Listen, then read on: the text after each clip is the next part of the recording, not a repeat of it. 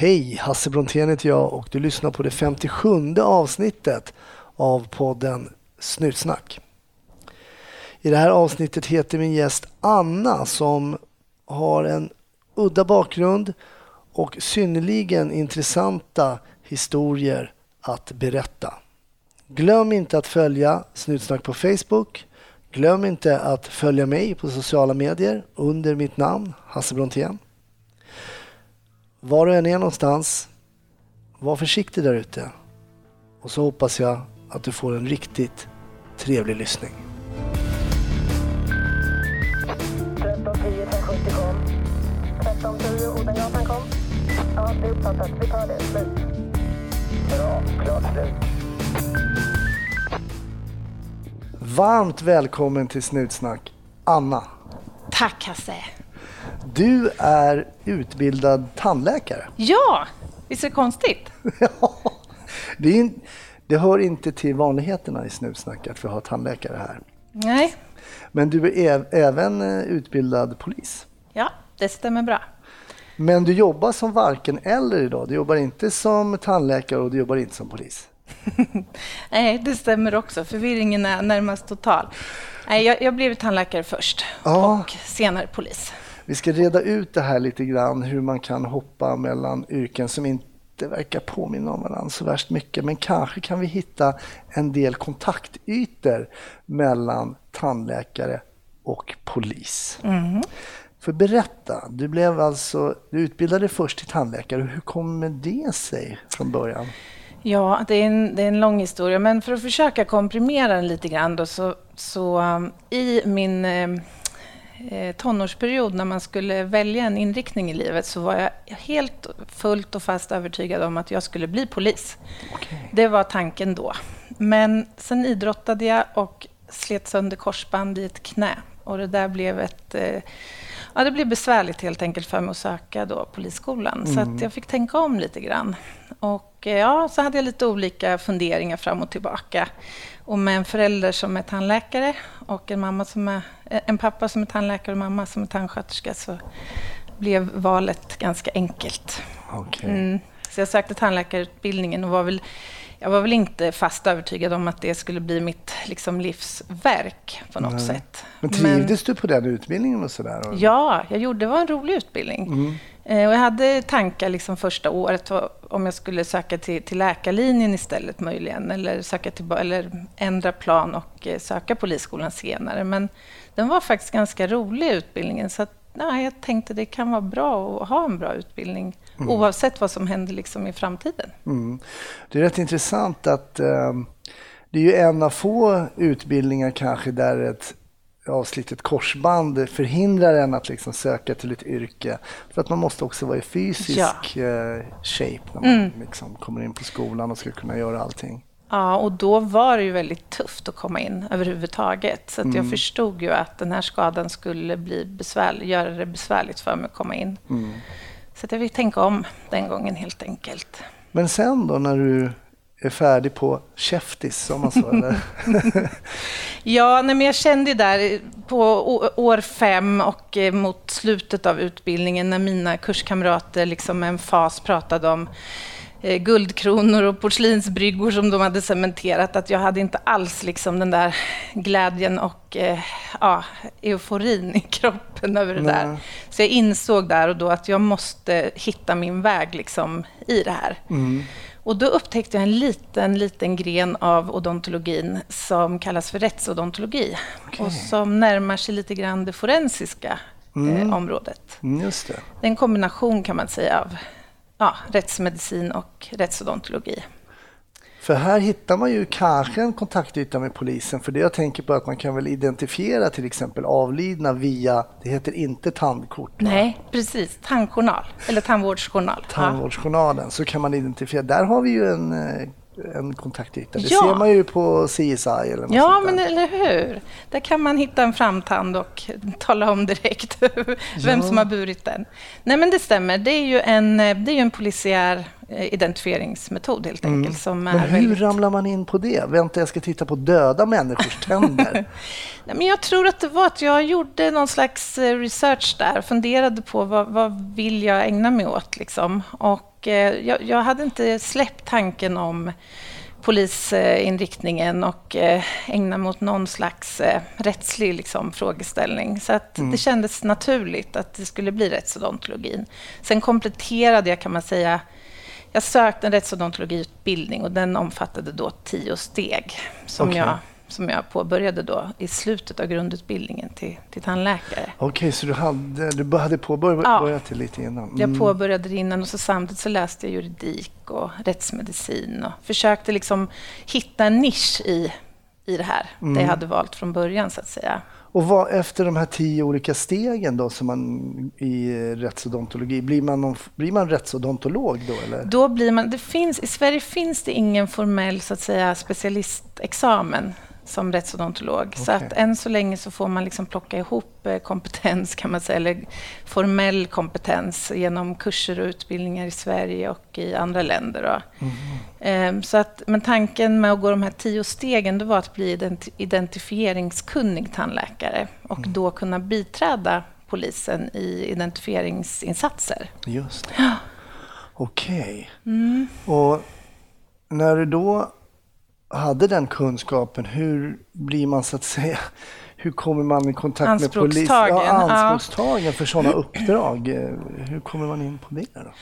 Det, det vanliga är nog att eh, man helt enkelt upptäcker att man har ett behov av kompetensen. Och I mitt fall så var det så att jag hade fullföljt åtta av de tio stegen, så jag var egentligen inte färdig. Men då svepte en gigantisk eh, tsunamivåg in över Sydostasien. Och vi hade väldigt många svenskar i Thailand eh, vid den här tidpunkten och förstod att eh, här skulle det behövas eh, identifieringsresurs. Just det. Okej, ble- så du blir alltså kontaktad i samband med tsunamin då? Ja, det var mitt första skarpa kan man säga, uppdrag och det var ju närmast eh, ja, chockartat eller i vart fall svårt att föreställa sig att det här skulle vara liksom jungfruuppdraget så att säga. Eh, Jag kommer ihåg det här väldigt väl och det tror jag de flesta gör. Det är ett sånt här datum som många minns. Jag, själv, för egen del så låg jag hemma i, i soffan med influensa och hög feber när vi nåddes av de här nyheterna på annandag jul 2004. Eh, Och min man sa så här, tänk om, tänk om det här blir ditt första uppdrag. Han sa Ja. och då, då skrattade jag bara åt honom, för det, det kunde jag liksom aldrig föreställa mig att det skulle kunna bli. Men så blev det. Men då blir du kontaktad helt enkelt? Ja, just det. Precis. Ehm, Det som händer då är ju att Polismyndigheten som är ytterst ansvarig för att fastställa identiteten på eh, okända avlidna, de begär hjälp eller biträde av eh, Rättsmedicinalverket. Eh, Och Rättsmedicinalverket i sin tur, är, där finns så att säga, rättsodontologin i Sverige inordnad. Så att, eh, ja, på, den, på den vägen var det. Jag anslöt då till eh, Rättsmedicinalverket och vidare till polisens insats i, i Thailand. Men vad går det för tankar då i ditt huvud när du blir kontaktad och de säger så här, ja men vill du åka till Thailand? För jag kan tänka mig att man får upp lite bilder av hur, du vet ungefär omfånget av det här. Det är många avlidna och det är väldigt varmt i Thailand tänker jag. Man kommer dit, man vet vad som händer med, med kött i värme. För att låta, det låter ju väldigt brutalt men så är det ju Ja, faktiskt. visst. Eh, vad, vad tänker du då när du är hemma? Vad, vad, vad, vad funderar du? När jag fick frågan så var det naturligtvis eh, direkt en mängd eh, tankar som, som kom. Alltså, och, och precis de här faktorerna som du själv nämner var ju naturligtvis på den, på den listan, så att säga. Men sen var det också där, hur skulle jag klara det här mentalt? Och hur skulle jag må av att eh, faktiskt, faktiskt eh, exponeras för liksom livets förgänglighet på något vis då, i den här omfattningen. Eh, även om jag hade följt eh, nyhetsrapporteringen och fått en del briefing från polisen innan jag skulle åka så, så kunde jag ju aldrig fullt ut föreställa mig vad som väntade mig på, på plats. Hur, hur tog du beslutet då? Hur, hur snabbt gick det från att du fick frågan till att säga men jag åker? Ja, men det, gick, det gick förhållandevis snabbt. Det första, det första så att säga, hindret som skulle överkommas det var om det rent praktiskt var möjligt att åka. Mm. Jag var ju då anställd av landstinget i, i Örebro och arbetade som klinisk, eh, kliniskt verksam tandläkare. Mm. Eh, så det var det första jag var tvungen att undersöka om det överhuvudtaget var möjligt. Och då, då var det sagt två veckor skulle jag åka. Då, så att, mm. Eh, ja, jag meddelade då att jag behöver en halvtimme på mig att först undersöka de här eh, mest primära delarna, så att säga. Mm. Eh, mest avgörande delarna. Och sen måste det här sjunka in några minuter. Jag måste prata med min sambo och så vidare. Mm. Eh, men det gick förhållandevis snabbt. Jag tror att jag någonstans direkt inom mig kände att det är klart att jag måste göra det här. Mm. Jag har en, en, kunskap som, som på något litet sätt kan bidra till att återställa det här fruktansvärda som, som har skett och försöka göra det, i alla fall det bästa av den här svåra situationen. Eh. För att eh, vi har pratat om det lite tidigare i tidigare avsnitt eh, i Snutsnack, att vikten för anhöriga att liksom få sätta punkt. Mm. På något sätt, nej men det var faktiskt eh, han eller hon mm. som, som de hittade. Ja. Och då får du ändå vara med och bidra till den, mm. till, till den liksom komma till vissheten, den slut, ja. ja, till ja. Den vissheten, ja. Och det, det var jag ganska säker på innan jag åkte ner till Thailand att det är en viktig princip för de allra flesta. Men hur viktig den principen var, eh, det, det förstod jag inte faktiskt förrän jag hade varit där nere och jobbat ett antal månader. När jag insåg hur viktigt det är att få det där slutliga beskedet. Mm. Så att sorgeprocessen så att säga, kan komma vidare och att man kan börja sörja och planera för en begravning till exempel. Och mm. lösa många praktiska frågor också. Men nu sa du, nu hörde jag att du sa det månader, men du nämnde precis att du skulle åka ner i två veckor. ja, jo men tanken från början var två veckor och det var någon slags sån här gyllene standard tror jag som man satte i början av insatsen. Att två veckor är nog ungefär vad man så att säga klarar av och mm. bör exponeras för egentligen. Eh, innan man åker hem i vart fall och har lite semester eller, eller break. Då. Mm. Men det, det, fanns vid den tidpunkten inte så där jättemånga tandläkare med den här eh, kunskapen och kompetensen i Sverige. Så att, eh, och, och i och med att en stor del av identifieringarna skedde med hjälp av eh, tandjournaler och mm. tandundersökningar så gick det åt ganska många tandläkare så att säga, på plats där nere. Mm. Så de där två, två veckorna de blev två månader första svängen. Sen åkte jag hem eh, en gång och åkte ner igen nästan två månader och sen en tredje sväng på hösten och eh, början på vintern. Oj. Men berätta, vad var det första som mötte dig när du kom ner? För du, du berättade att det här var ju liksom din jungfruresa lite grann. Mm. Det blir ditt första uppdrag här. Mm. Vad möter dig när du kommer ner till Thailand och var du nervös? Eh, för det första, så, när jag kom fram så hade jag inte, jag hade inte sovit en blund på flyget ner. Och det, det berodde naturligtvis på eh, en mängd olika saker, men främst tror jag eh, nervositet. Kanske inte nervositet, men jag hade ju naturligtvis olika förväntningar och funderingar på vad som skulle vänta mig och vilka krav som skulle ställas på mig och hur det skulle vara att eh, förhålla sig till situationen och, och allt det där. Mm. Eh, men jag blev eh, ganska snabbt varse att nu var det bara att ta sig från flygplatsen. Jag blev, jag blev naturligtvis upphämtad på flygplatsen av eh, polisen. Mm. Men det var inte tal om att åka till, via hotellet och ta sig en dusch och sova kapp några timmar, utan det var direkt ut till, eh, till sajten då, som det kallas, eh, uppsamlingsplatsen för, för kropparna och där också bårhusen fanns. Och börja jobba, inleda eh, arbetet för min del. Då. Min spontana tanke, med tanke på hur många som avled under den här tsunamin, så bårhusen måste väl ha varit fulla? Jag menar, hur mycket platser fanns det och hur förvarade man de här avlidna? Till en början så var ju det här ett jätte, jättestort problem nat naturligtvis. Eh, jag tror, om jag inte missminner mig, så var det väl ungefär 5 000 människor som avled i Thailand just.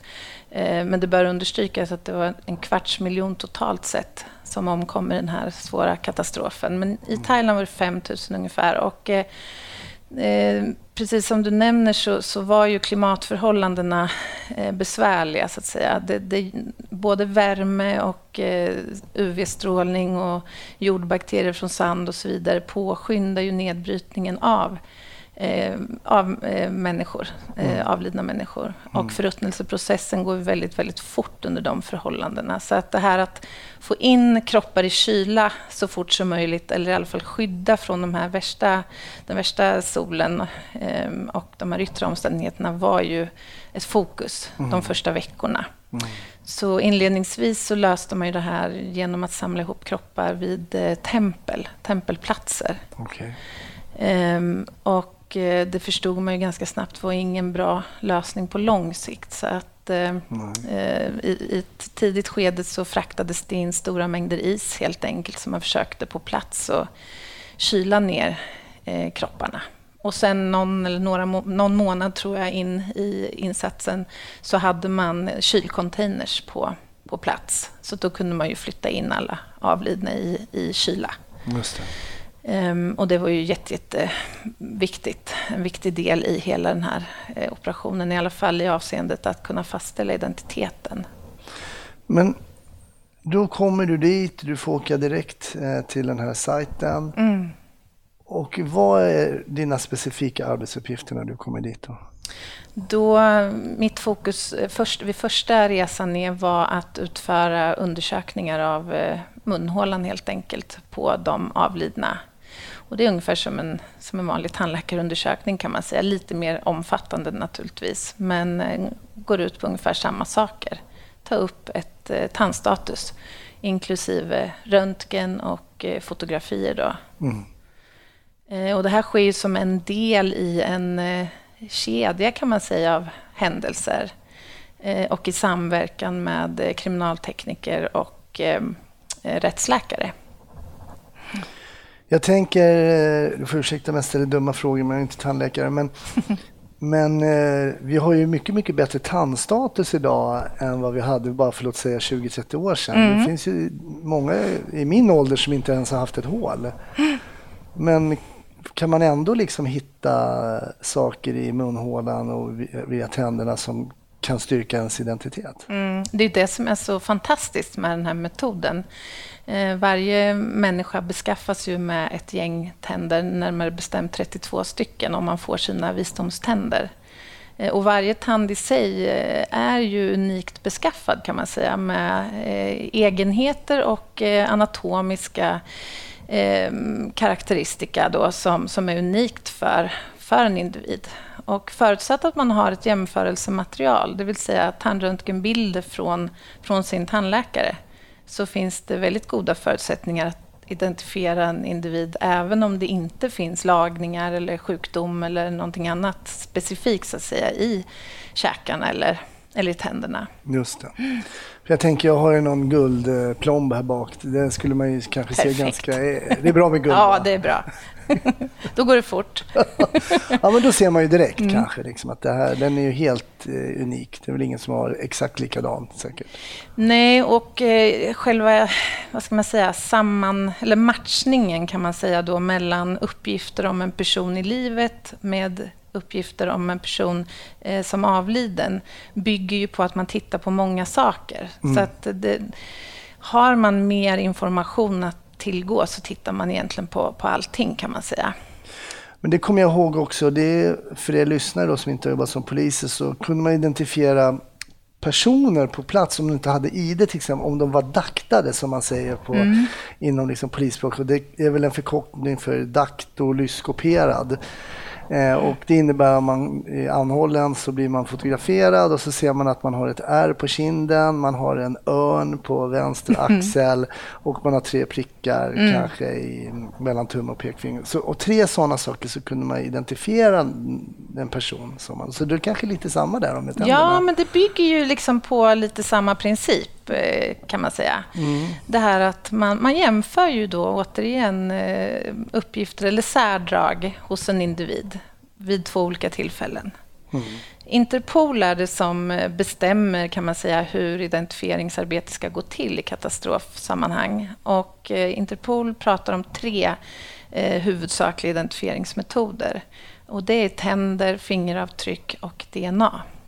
Okej. Eh, Och sen har man såna här sekundära då, som man pratar om metoder där lösa tillhörigheter, till exempel det där körkortet som du nämner eller eh, andra till, tillhörigheter eller kännetecken på en Men anser man inte att en, jag tänker på DNA känns ju som väldigt, ehm, alltså en väldigt signifikativ Mm. sak som är bara unik för en person. Vill man ha tre då? DNA, tänder eller en av dem? Ja, en av. Mm. En, jag tänkte, ja. Det räcker med en av, men eh, det, det är inte fel med... Alltså ibland kan det ju vara så att okej, vi, vi har bestämt oss här för att vi ska försöka utgå från tänderna när vi identifierar den här individen. Och så kanske det visar sig att den här individen har inte varit hos sin tandläkare på 20 år. Och då kommer jämförelsematerialet som vi har eh, att utgå ifrån vara så himla begränsat. Så att vi kanske säger nej, jag tycker, jag tycker vi ska... Vi, vi kör DNA också, eller finger också, om det går. Sen, sen varierar ju det från eh, katastrof till katastrof, eh, men även i, i rutinärenden som jag jobbar med så kan förutsättningarna variera och då får man titta på varje fall eh, individuellt och lägga upp en, en plan som passar. Då blev det många som du fick jobba med där nere och många som jag antar att du identifierade också. Mm. Vad fick du för, fick du någon feedback kring det här? eh, För du nämnde tidigare att du sa att du insåg att det var viktigare än vad du Mm. trodde för människor att få visshet kring vad som hade hänt med deras anhöriga. Vad, vad fick du för feedback där i den frågan? Jo, men en, en del av det här arbetet som jag inte hade kanske föreställt mig var ju att på plats i, i Thailand skulle jag ju få träffa en hel del anhöriga. Eh, alltså anhöriga till de här som ännu inte hade identifierats men som befarades vara saknade då i, i vågen. eller Just det, de var nere för att söka Ja. eller få liksom bekräftat vad Mm. som hade hänt. Och, så, okej. Ja, precis. och det, hade, det var någon tanke som, du var mer fokus på jobbet och... Ja, jag tror att jag intog nog ett ganska strikt liksom, professionellt fokus och det kanske också var bra, eller det, det är jag ganska säker på var bra. Eh, och jag tror att det beror på att jag försökte skydda mig helt enkelt från det här mest känslomässigt jobbiga. Faktiskt. För det, det adderar ju någon slags dimension alltid när man träffar anhöriga eh, i en sån situation och även i andra utsatta så att säga, situationer som man kan hamna i. Men vad hände då när du insåg, men vänta här, det här är ju folk som är anhöriga. Mm. Hur, hur, hur hanterade du det då? När du inte kanske var riktigt beredd på det? Ja, nej men det, jag tror inte att det var så svårt att hantera. Jag, jag tror att jag kände ganska snabbt, eller jag vet att jag kände så att det var skönt också att få träffa dem. Det, det gav mig ju en styrka och eh, kraft i någon mening att orka fortsätta med det här arbetet. För jag förstod ju då hur, hur viktigt arbetet var för de här människorna. Vi hade varje vecka, en gång i veckan, hemfärdsceremonier vid flygplatsen.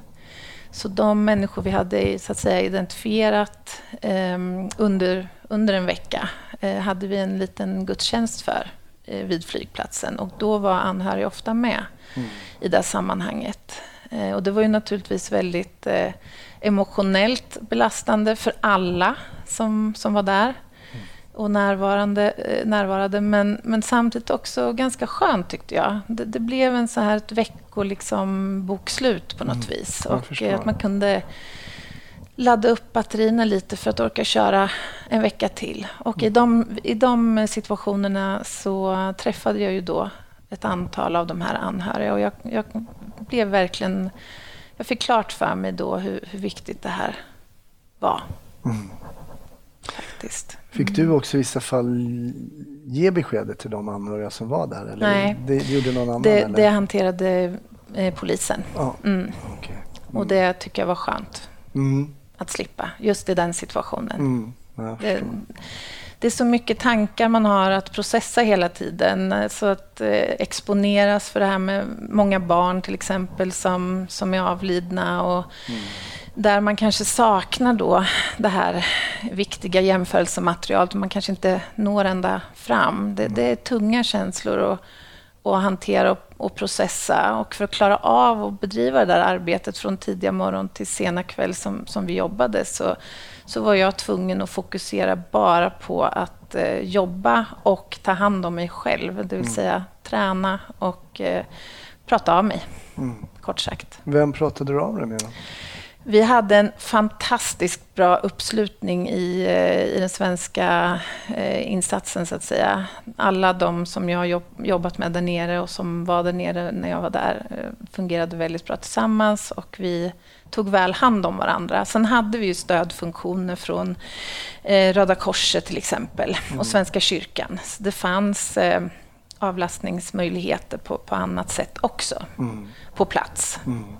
Jag tror att den mesta delen av eh, debriefingen, om man, om man säger så fortfarande, jag vet faktiskt inte, den skedde nog faktiskt ändå i kollegors och goda vänners lag på något mm, sätt. Över måltider och eh, ja, Är det så mötena. att eh, Lättar man på trycket då när man, man sitter och pratar vid en middag eller kollegor mm. och så här, blir det, alltså en, blir det någon form av debriefing, lite sån omedveten ja, debriefing? Ja, det tror jag. Mm. Det kan man säga. Mm. mm.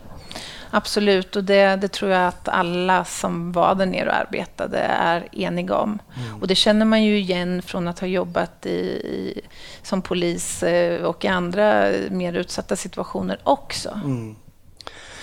Intressant. Alltså, tack för en eh, jätteintressant berättelse kring ditt första yrke.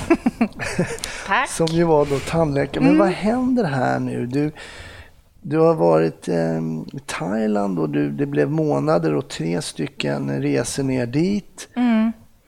Men var kommer det, det polisiära in sen då? För du berättade att det fanns en dröm, korsbandet förstörde mm. det.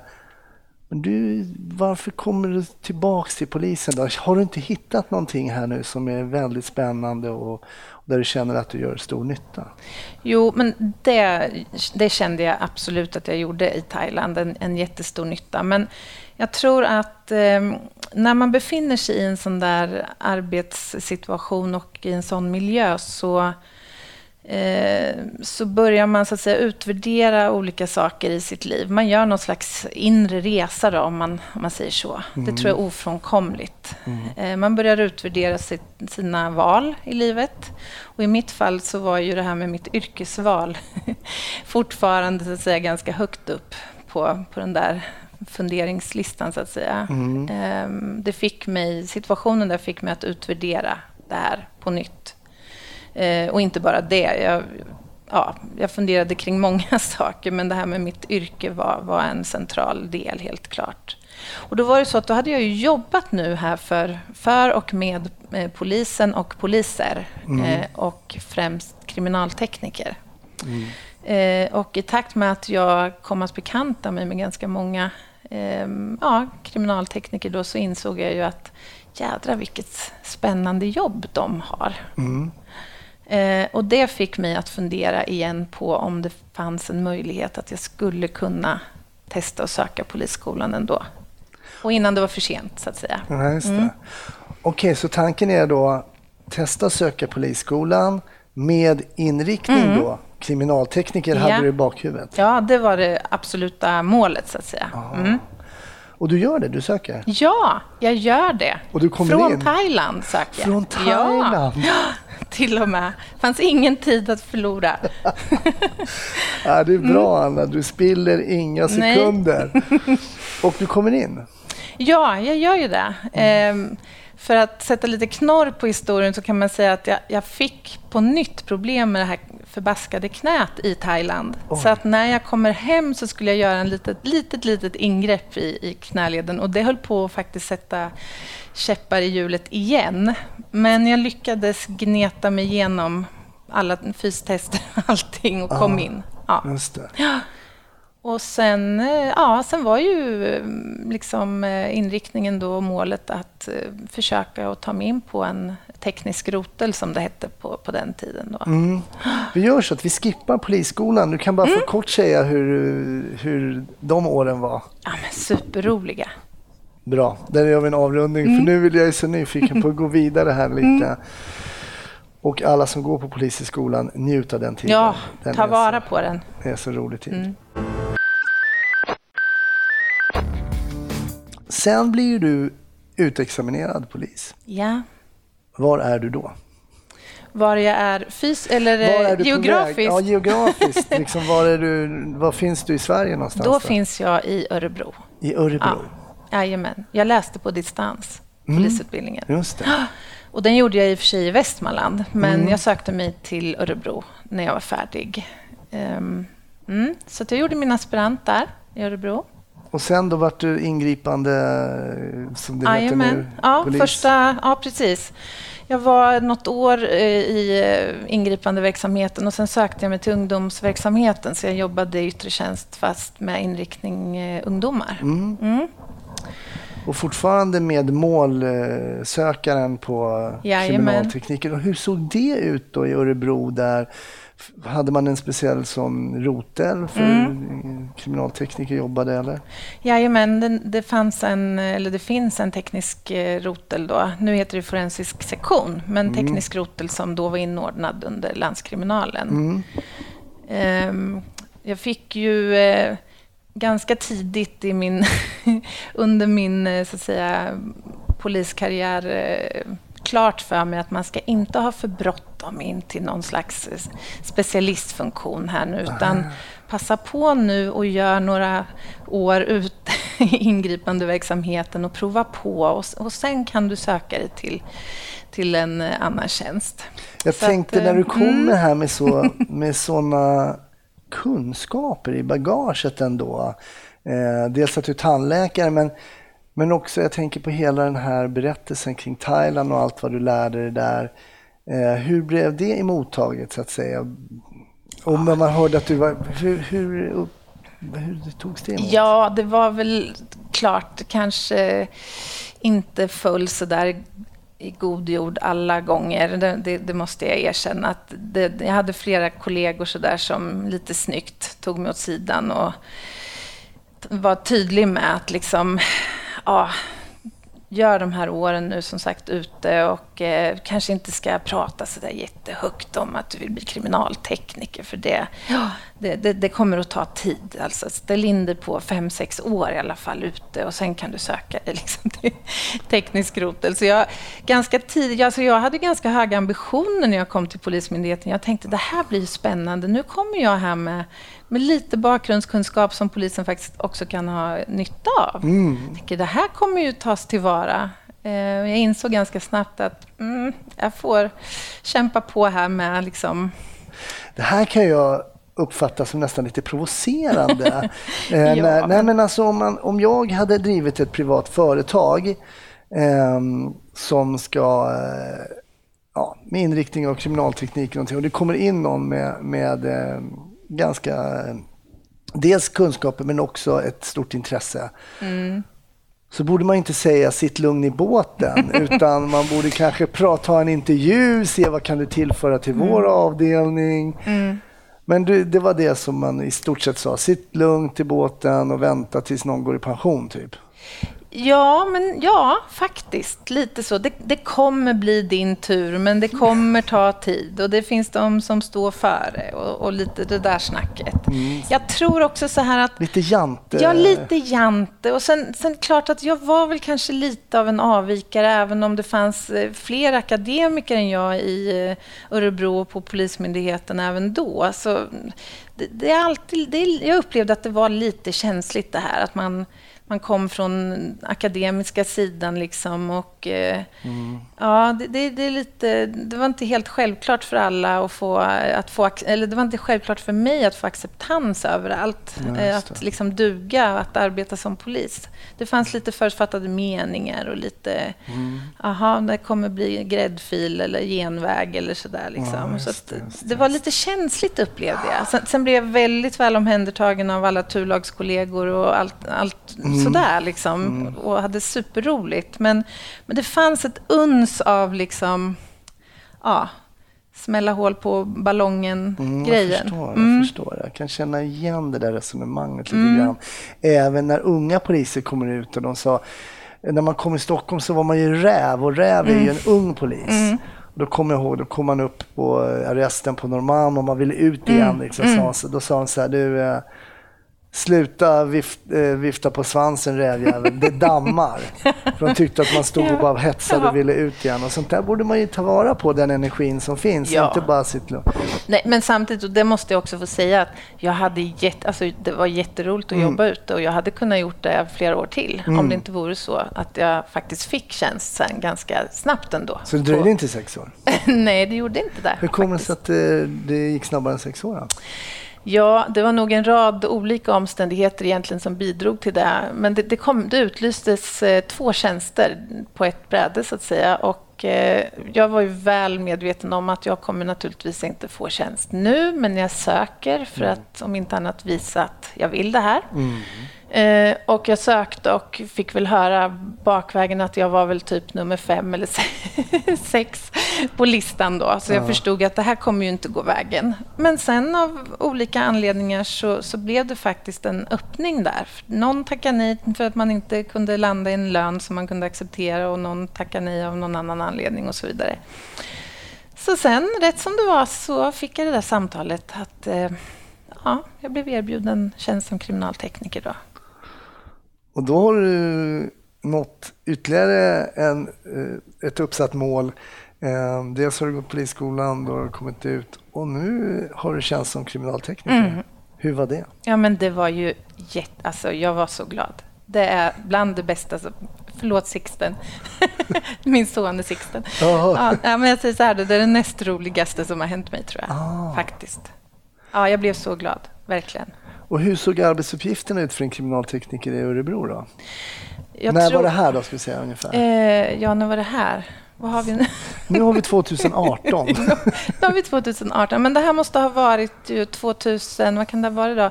2011, 11. kanske? Mm, mm. 2011, 12 där någonstans tror jag. Mm. Nej, men jag tror att det är nog ganska likvärdigt oavsett egentligen var i landet man hamnar när man får anställning som kriminaltekniker. Eh, första åren går ju väldigt mycket ut på att bara liksom lära sig vad kriminalteknik är, hur man beter sig på en brottsplats och hur man söker och säkrar spår. Alltså jobba upp någon slags, någon slags eh, basal kunskap om olika typer av brott och olika typer av eh, hur brott eh, kännetecknas på en plats och olika typer av spår och så vidare. Eh, planen är ju, vi, vi har ju en nationell jättefin eh, ettårig utbildning till kriminaltekniker i Sverige som är eh, inordnad under eh, NFC. Är det Nationellt forensiskt ja, precis. centrum? Eller? Nej. Ja, Ja. Nationellt forensiskt centrum, dåvarande SKL. Just det. Ehm, och den här utbildningen får man ju då söka plats på först efter att man har gjort då ett visst antal... Det förutsätts att man har liksom jobbat upp någon slags ja, baskunskap helt enkelt och tillräckligt mycket kunskap och erfarenhet för att liksom kunna tillgodogöra sig den kunskap man sen får på den här eh, utbildningen. Då. För det som är viktigt i samband med brott är ju såklart att säkra bevisning. Mm. Och det är väl en, eh, det är väl en väldigt viktig roll för en kriminaltekniker att hjälpa utredarna med bevis som styrker antingen en misstänks, eh, alltså misstankar som kan styrka att en person är skyldig eller, eller händelser som då skulle kunna styrka att han inte är skyldig. Ja, det är lika viktigt det naturligtvis. Mm. redovisar helt enkelt för de fakta som föreligger på till exempel en brottsplats. Ja, exakt. Jo, men så är det ju. Och, eh, det kan ju finnas specifika frågeställningar naturligtvis som kommer från, från en utredare eller en förundersökningsledare som blir eh, inriktningen för en brottsplatsundersökning. Men ofta är det ju att mer eller mindre förutsättningslöst eh, dokumentera en plats och eh, eftersöka och säkra spår som är relaterade till en händelse för att kunna, i den mån det är möjligt, rekonstruera ett händelseförlopp och eh, visa i ett protokoll hur det här kan ha gått till. kedjan är ju oerhört viktig ända från den stunden till exempel en ordningspatrull kommer. För när man kommer som ordningspatrull och vi säger att vi har, om vi tar ett allvarligt brott som till exempel mord eller eller våldtäkt eller grov misshandel eller någonting så det första är ju att rädda liv. Mm. Ja, Och det då- går före allt Ja, går, och då klampar man ju bara på. Mm. Men det måste man ju också göra, naturligtvis. Exakt. Ja. Men när man klampar på så förstör man ju kanske också mycket bevis. Mm. Man inte bara förstör bevis, man tillför ju spår. Eh, och eh, det, det kommer att bli mer utmanande naturligtvis. Sen när man ska tolka eh, det man ser på den här platsen. Men då gäller det att, eh, så att säga, arbeta systematiskt på den här platsen, läsa in sig ordentligt på vad som har hänt, vad, vad vi känner till om vad som har hänt på, på platsen innan. Och då är ju den, såna här bitar jätte, jätteviktiga. Så att man på något sätt kan backa tillbaka bandet och eh, eh, inrikta sig på, på de spår som är relevanta för, för händelsen, så att säga, för brottet. Mm. För om man tänker då att man pratar om att där är det viktigt att skydda liv, då pratar man om tid och sådär. Men när ni kommer fram sen, då är ju oftast det avspärrat. Då är inte tid egentligen... Då kan man liksom bara stanna i dörröppningen och börja liksom Mm.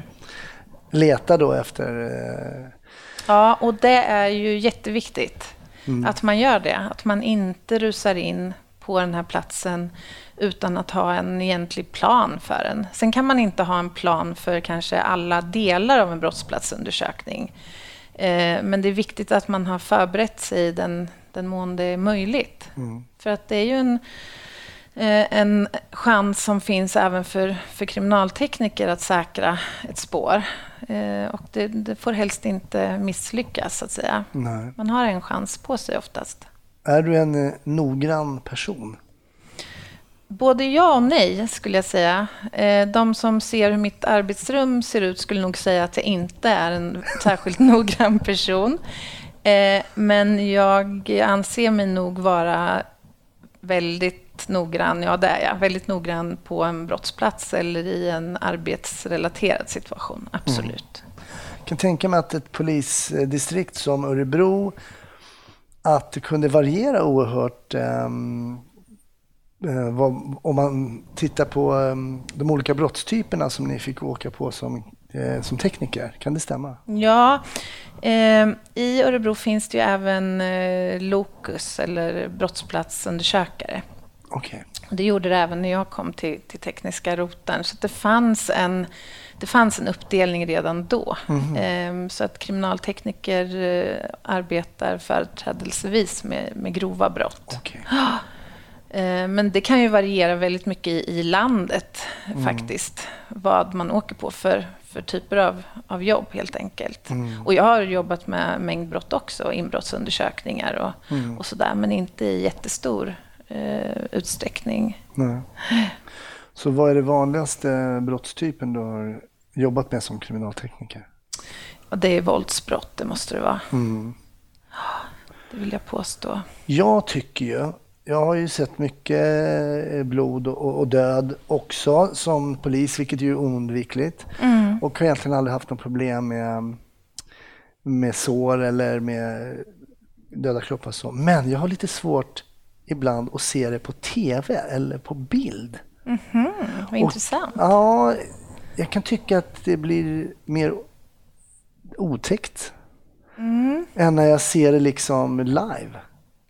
Ja, ja intressant. Jag har, jag har inte reflekterat så mycket över det. Faktum är att jag, jag jobbar ju idag som, som rättsodontolog. Jag vet inte om vi sa det inle- inledningsvis. Nej, vi har inte kommit så Men- långt nej. i din karriär. Men i min tjänst idag så ingår forskning. Och då, jag sitter nu och tittar på... Um, en del av min forskning är inriktad på dödligt våld mot barn. Eh, så att jag tittar på eh, ja, hela förundersökningar rörande såna, eh, brotts, den brottstypen då, och samtliga fall under 20 års tid. Eh, och jag, jag funderar på det du säger, där att se det på, på bild eller se det i, i verkligheten. Jag måste nog säga ändå att det lätt, jag tycker nog ändå det är lättare att se det på, på bild. För du har ju Alltså. inte... På en plats så är det så mycket fler intryck. För det första har det precis nyligen hänt. Mm. Eh, man kan komma in i en miljö där man ser liksom att eh, strax före det här eh, otäcka hände så satt den här familjen åt frukost eller var på väg till jobbet. Eller, alltså att man, man kastar sig in i en annan familjs utsatthet då, på, på ett annat sätt. Sant, Eller- mm. men jag kan, jag kan också...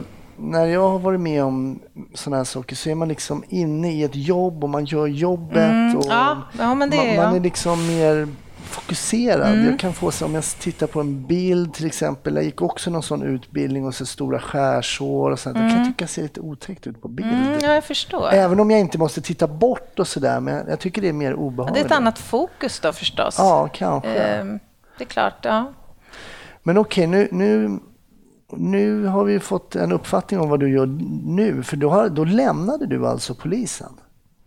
Ja, alltså för, för uh, ungefär två år sedan så eh, blev jag kontaktad av Rättsmedicinalverket och blev erbjuden en, en tjänst där som, som rättsodontolog och uh, doktorand. Um, och jag hade inte alls för avsikt egentligen att lämna Polismyndigheten. Jag, tvärtom, jag trivs väldigt, väldigt bra med, med mitt jobb som kriminaltekniker. Ehm, men jag fick en ehm, en bra och fin möjlighet att eh, prova att jobba eh, mer eh, liksom in, målinriktat med rättsodontologi och även få doktorera, som har varit ett stort mål. Och den möjligheten har ju inte riktigt funnits i Polismyndigheten. Nej. Ehm, sådär. Så jag kände, ja, jag, jag, tänkte att jag kommer nog ångra mig om jag tackar nej. Mm. Så att ehm, jag hoppade på tåget och är kvar där nu två år senare. Men ehm, ja, jag skulle ljuga om jag sa att jag inte saknade kriminaltekniken, för det gör jag. Men så här är det väl att kriminaltekniken finns kvar. Ja, visst gör den det. Absolut gör den. Och eh, kompetenta och intresserade kriminaltekniker eh, tror jag nog att Polismyndigheten skulle kunna tänka sig att anställa. Ja, kanske så. Jag hoppas det, om jag söker mig tillbaka. Men nu, egentligen så är kriminalteknik så intressant så man skulle vilja fråga väldigt, väldigt mycket mer frågor och kanske får du återkomma i ett annat avsnitt när vi bara pratar om blod, blodstänk och eh, krutstänk och Rester. Mm. krutrester och var det ska sitta och inte sitta för man ska misstänka det ena och det andra. Det tycker jag låter som en väldigt spännande avsnitt. Men jag vill ju lyssna lite kring det du gör idag. Du berättar att du forskar kring våld mot barn. Ja, inom familjärt våld. Och eh, ena delen eh, är jag inriktad på dödligt våld mot barn och i den andra delen så är jag inriktad på icke-dödligt våld mot kvinnor i nära relationer. Och då skulle jag vilja börja fråga, hur vanligt är dödligt våld mot barn inom familjer i Sverige? Tack och lov inte jättevanligt. Ehm, och eh, det blir allt mer ovanligt vad det verkar. Ehm, vi har ungefär fyra, fem fall varje år. Eh, och det är en halvering från antalet fall på, i slutet av 90-talet. Okej. Så att det går, det går åt rätt håll, så att säga. Men eh, man kan samtidigt inte heller utesluta att man faktiskt kanske missar något enstaka fall eh, varje år. Som till exempel kan betraktas som en olycka? Ja, som en eller? olycka eller som ett sjukdomsfall. Det, det är en eh, möjlighet och en, en eh, risk faktiskt som, som man inte kan bortse ifrån. Och det är väl det jag vill försöka förstå genom min forskning. Alltså vilka fällor man kan gå i och eh, vilka, på vilket sätt man kan undvika att gå i de fällorna. Just det. Mm. Däremot är det väl tyvärr desto vanligare med icke dödligt Mm. våld mot kvinnor i relationer. Ja, det, tyvärr så är det ju det. Ehm, och där har man ju tyvärr inte en lika god uppfattning om hur vanligt det är. Det. Ehm, Mm. Men det beskrivs ju som ett folkhälsoproblem ehm, tillsammans med naturligtvis ett samhällsproblem. Det är ju en stor ekonomisk... Det är inte bara så att säga, lidandet av våldet och eh, de skadeverkningar som, som våldet i sig medför som, som bidrar till att det är så problematiskt. Det är ju också en ekonomisk eh, aspekt i det naturligtvis, i sjukskrivningstal och annat. Det påverkar väldigt mycket. Ja. Förutom just den, den enskilda individen så att Mm. säga så ser vi mycket negativa saker alltså med kostnader, sjukvård och så vidare. Ja, och så vidare. Rehabilitering Ja. och, och sånt. Ja. Mm. Och när kommer du, när måste jag titulera dig doktor Anna? Ja, hörru du, jag forskar ju på halvtid. Mm. Eh, Så att jag, har, jag har väl sju, åtta år på mig att eh, färdigställa det här arbetet. Eh, Sen brukar väl jag kunna spida på lite när det gäller projekt och så. Så att jag hoppas vi kun, kunna vara färdig kanske om tre, fyra år snarare. Mm. Men du är också ute och föreläser i ämnet. Mm, det är jag. Jag har ju parallellt med att jag har haft min eh, ja, yrkesmässiga eh, bana och tagit de här olika inriktningarna så att säga, så har jag haft ett intresse för det här med eh, våld och våld i nära relationer eh, ur ett odontologiskt perspektiv, eller ja, medicinskt perspektiv egentligen.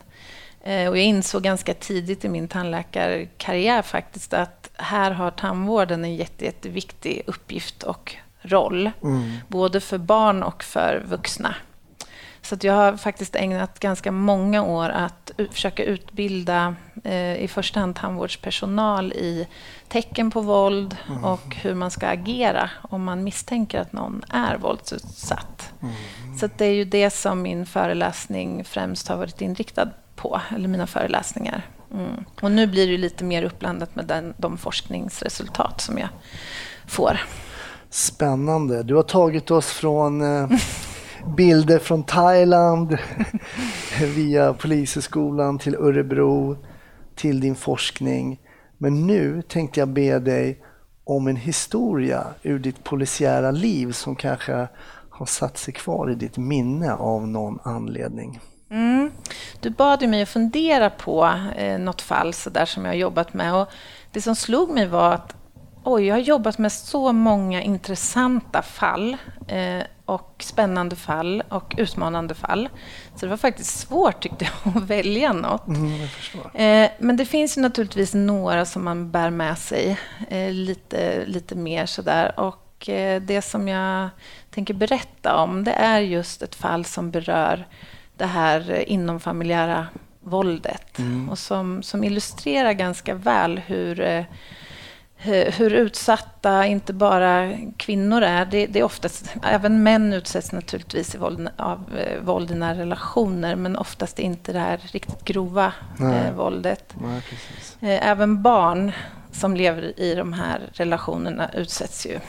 Ehm, och eh, det här eh, ärendet som, som jag och eh, en kollega då fick eh, till oss att vi skulle åka ut och jobba med Ehm, Det, det äger rum eh, på en lite mindre ort kan man säga, i, ganska nära eller i anslutning till, till Örebro. Och det vi vet när vi åker ut till den här platsen är att en kvinna har fått, blivit mördad på den här platsen, eh, fått halsen avskuren Oj. Eh, och man har gripit en person i anslutning till, till platsen. Eh, han gör ett visst motstånd när han ska gripas och han är blodig. Eh, och ganska tidigt så, så förstår man att han nog kan misstänkas för att ha bragt henne om livet. Då. Eh, och när vi kommer fram till den här platsen så blir vi då briefade av eh, picken där, alltså insatschefen på plats, eh, som beskriver att eh, mycket riktigt den här eh, kvinnan då, som det visar sig vara, hon har eh, anträffats avliden ute i eh, trapphus i anslutning till, till bostaden. Eh, och när polis eh, tar sig in i lägenheten, då dörr, dörren står öppen ut i trapphuset, så eh, anträffar man en liten pojke i lägenheten. Vilken ålder då ungefär? Jag tror att han var åtta år, åtta eller nio år gammal. Eh, och det står ju snabbt klart att det är offrets son. Mm. Så eh, polisen där då, eh, ingripande polisen, poliserna går in och bär ut eh, pojken. Och bara den eh, bilden, det scenariot, så att säga, la lite grann nivån där. Eller vad ska jag säga, gav mig ett mindset på något sätt. Mm. Att se den här pojken bäras över sin moders, så att säga, eh, utblödda... Ja. ja, ja, precis. Ja, Det är ju Det, det är tragiskt på ja. nivåer som man ja, nästan som man knappt, knappt kan, liksom, eh, förstå. föreställa sig. Nej. Så när vi kommer dit så, så förstår vi ju då eh, offret här, hon, hon lever när hon avtransporteras från platsen. Hon har fortfarande liv då, men avlider på väg in till, till lasarettet. Så det står klart för oss att vi har ett mord här eh, och vi har minst två brottsoffer. Vi har dels kvinnan och vi har eh, antagligen även sonen som, som vi tror har varit i anslutning till den här händelsen. Och för ett barn så är det ju, ett barn betraktas ju som brottsoffer bara genom att eh, uppleva våld. Man behöver inte ens ha bevittnat själva händelsen för att Just det, det kan vara oerhört Allvarligt kunna ta skada. ändå Mm. såklart. Mm. Mm. Ehm, i, I sammanhanget eh, kan nämnas också att det anträffas en, eh, en hund i anslutning till eh, bostaden som också är skadad och knivskuren. Eh, och det visar sig vara då hunden som, eh, från samma familj så att säga. Mm. Mm. Ja, vi inriktar oss ju då på att försöka eh, klargöra naturligtvis vad som har hänt på den här platsen och försöka bilda oss en uppfattning om hur, hur det har gått till det här och hur vi bäst kan arbeta på platsen. Och, eh, en viktig del av, eh, av ärendet är att eh, anmälaren bor eh, granne med eh, den här familjen eller offret då, mitt emot Mm. och har bevittnat det här genom sitt eh, titthål i Oj. dörren. Mm. Vilket också ju naturligtvis eh, är oerhört traumatiskt att stå där på andra sidan dörren men inte våga ingripa. Nej, precis. Så att vi, vi förstår snabbt att vi har kriminaltekniskt en ganska utmanande plats att jobba med. Dels så, så um, är det mycket blod på platsen. Mm. Dels så har vi eh, som, som en inriktning att försöka kunna visa att man har kunnat se vad som har hänt från det här titthålet i tittögat i dörren Just och ut det. till den här platsen där det här yttersta och sista våldet har ägt rum. Jag tänker också att den här platsen är ju då jag menar, en lägenhet kan man ju stänga till. Alltså, Mm. då, nu går vi in i lägenheten, det har hänt i köket eller i vardagsrummet. Eller, Mm. Men nu måste ni spärra av hela trappuppgången. Mm, ja, ja, visst. Hela trapphuset blir avspärrat naturligtvis. Mm. Och man får tömma på, på folk så att vi kan jobba ostört där. Ehm, och en tredje inriktning för den här pla- platsundersökningen är ju att försöka visa eh, att den här eh, barnet har varit närvarande. Mm. Eh, Så att eh, kriminaltekniskt så har vi flera inriktningar kan man säga och mål med, med undersökningen. Och vi vet ju inte så mycket om vad som har hänt där mer än att hon har anträffats avliden där på, i trapphuset. Eh, men successivt under, under det här passet då så får vi ju information om vem den här gripne är och så vidare. Och det visar sig att det är en eh, särbo till, till offret. Eh, och eh, det ska under kvällen då, för pojken blir ju förhörd i ett tidigt skede och så där och då framkommer uppgifter om att hon har velat att de ska göra slut och inte vara tillsammans längre. Eh, och därifrån då eh, så ja, sker någonting i, eh, hos, för den här mannen som, som antagligen inte kan acceptera det här eh, och eh, brukar ett massivt våld mot kvinnan. Mm. Eh, och det blev väldigt bra det här eh, rent eh, så att säga, ja, kriminaltekniskt men också i slutändan tror jag för, för pojken. Och det fanns även en, ett äldre syskon som inte var hemma vid, vid den aktuella tidpunkten. Men det blev en, en fällande dom och han fick livstidsfängelse. Och eh, ja, protokollet och redovisningen från den här platsen blev väldigt, väldigt bra, eh, min uppfattning. Vi var många kriminaltekniker som jobbade, en, en patrull på insidan så att säga i lägenheten och eh, en patrull på utsidan i trapphuset och med det här eh, tittögat. Och det som blev väldigt viktigt sen vid rättegången var att vi kunde visa att pojken har varit ute i trapphuset i något skede efter att eh, mamman har tillfogats det här våldet. Oj. Vi kunde se hans eh, strumpavtryck i det här blodet. Oj. Och la mycket krut på att visa i rätten, kunna visa i rätten att ja, just hans strumpor som bars av honom vid den aktuella tidpunkten har eh, beträtt den plats där modern eh, höll på att avlida. Och det gör ju att eh, man, eh, man får med en liksom, dimension till i det här. Att även då hennes barn är brottsoffer.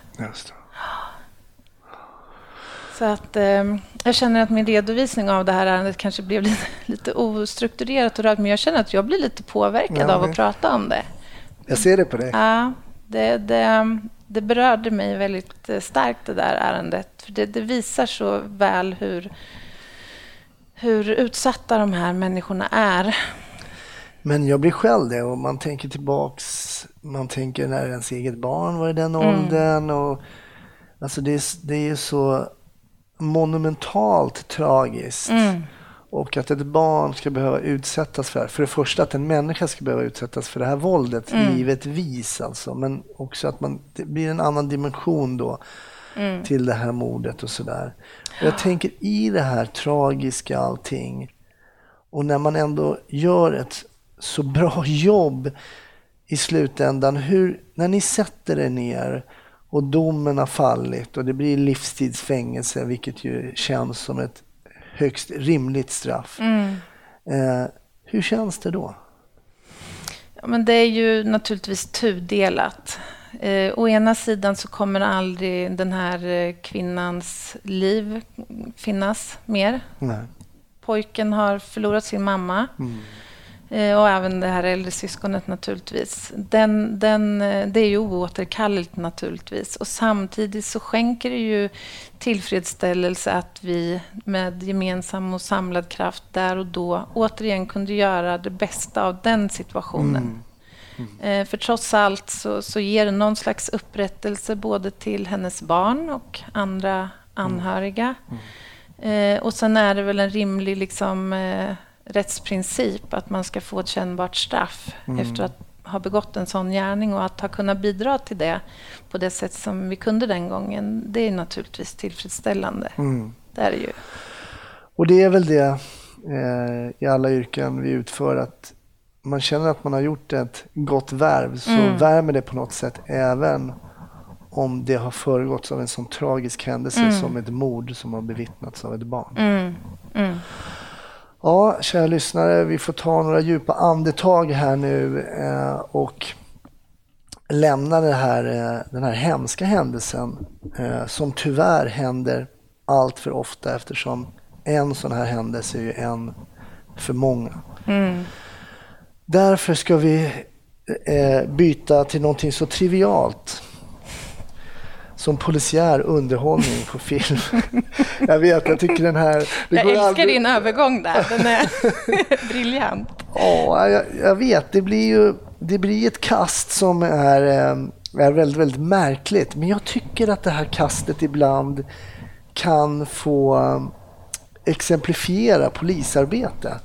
Därför att de som åkte på det här jobbet, jag tänker på den patrullen som var där först innan ni kom dit. De kanske åkte iväg på något jobb där det hände någonting, man hittade en tant som... Alltså, Ja, ja, ja. så visst. det blir ju så här. Och, och, um, det, det är konstigt alltså. Det är konstigt, men så är det. Men eh, jo, hur ser det ut med, hur ser det ut med ditt filmtittande, Anna? Är det bara CSI? Du, om jag ska vara helt ärlig, Hasse, så har jag aldrig sett en hel episod av CSI. Är det så? Ja, det är faktiskt helt sant. Alla mina fördomar Ja, spräcks tyvärr. kring Jag är eh, ledsen om jag gör dig besviken. Dexter har jag försökt med. Ja. Ehm, Det funkar väl någon episod eller så. Men nej, alltså det, blir, det blir eh, konfliktfyllt för mig, alltså det här att förhålla mig till Mm. hittepå kriminalteknik. Alltså. Det kanske är ännu värre än hittepå polis, ja, alltså hittepå biljakter. Ja, alltså, faktum är, nu är jag också lite av en forskningsnörd, men det finns faktiskt studier som har tittat på hur många eh, metoder som, som används i CSI finns på riktigt. Det är ganska intressant. Det är faktiskt enligt någon studie 40 procent av metoderna. Så att visst, alltså Ja, de fram, de, skillnaden är väl att det blir liksom träff varje gång och de här metoderna i CSI är så extremt sofistikerade. Mm. Man kan hitta ett pubishår under en dörrmatta och liksom slänga in i någon apparat och få ut en passbild på någon ungefär. Och det, riktigt så funkar det ju inte. Nej, det är helt sant. Mm. Men okej, okay, om inte CSI eller sådana polisgrejer, så vad, vad skulle du kunna rekommendera något till lyssnarna då, som du tycker är spännande och, och kika på? Alltså jag är ju svårt förtjust i true crime-dokumentärer och sådär. Bra. Mm, det är min grej. Och vad, eh, vad, jag har inte sett så mycket så jag skulle också Nej. gärna vilja ha en rekommendation. Ja, men alltså, det, fin, det finns ju ganska mycket bra i den mm. genren. Eh, just nu så tittar jag på den här Making a Murderer som, som har precis kommit ut med del två. Okay. Och den berör ju, som så många andra av de här eh, dokumentärerna, eh, ett rättshaveri kan man väl säga. Och dåligt en... kriminaltekniskt arbete kanske? ja, just i det här fallet exceptionellt dåligt kriminaltekniskt arbete. Ah. Ja, faktiskt. Så att det är kanske också därför som jag har fastnat så för den. Mm. Men sen finns det en riktigt bra... Om man gillar kriminalteknik och man gillar den här aspekten med eh, upprättelse och liksom rätts, rättshaverierna ja. så kan jag rekommendera Murder Murder in a staircase, tror jag den heter, eller Murder from a staircase. Men in a staircase, tror jag. Ja, det har jag aldrig hört talas Har du inte det? Nej. Den har gått på SVT, vet jag, i ett antal episoder för ganska många år sedan, men har gjort sin ny produktion. Så den finns också på, den finns på Netflix. Oh, intressant. Mm. Jättespännande. Alltså Anna, tack så jättemycket för att du tog dig tid att stanna till här i Stockholm och gästa Snutsnack. Du, nöjet var helt på min sida Hasse. Tack. Jag bugar och bockar.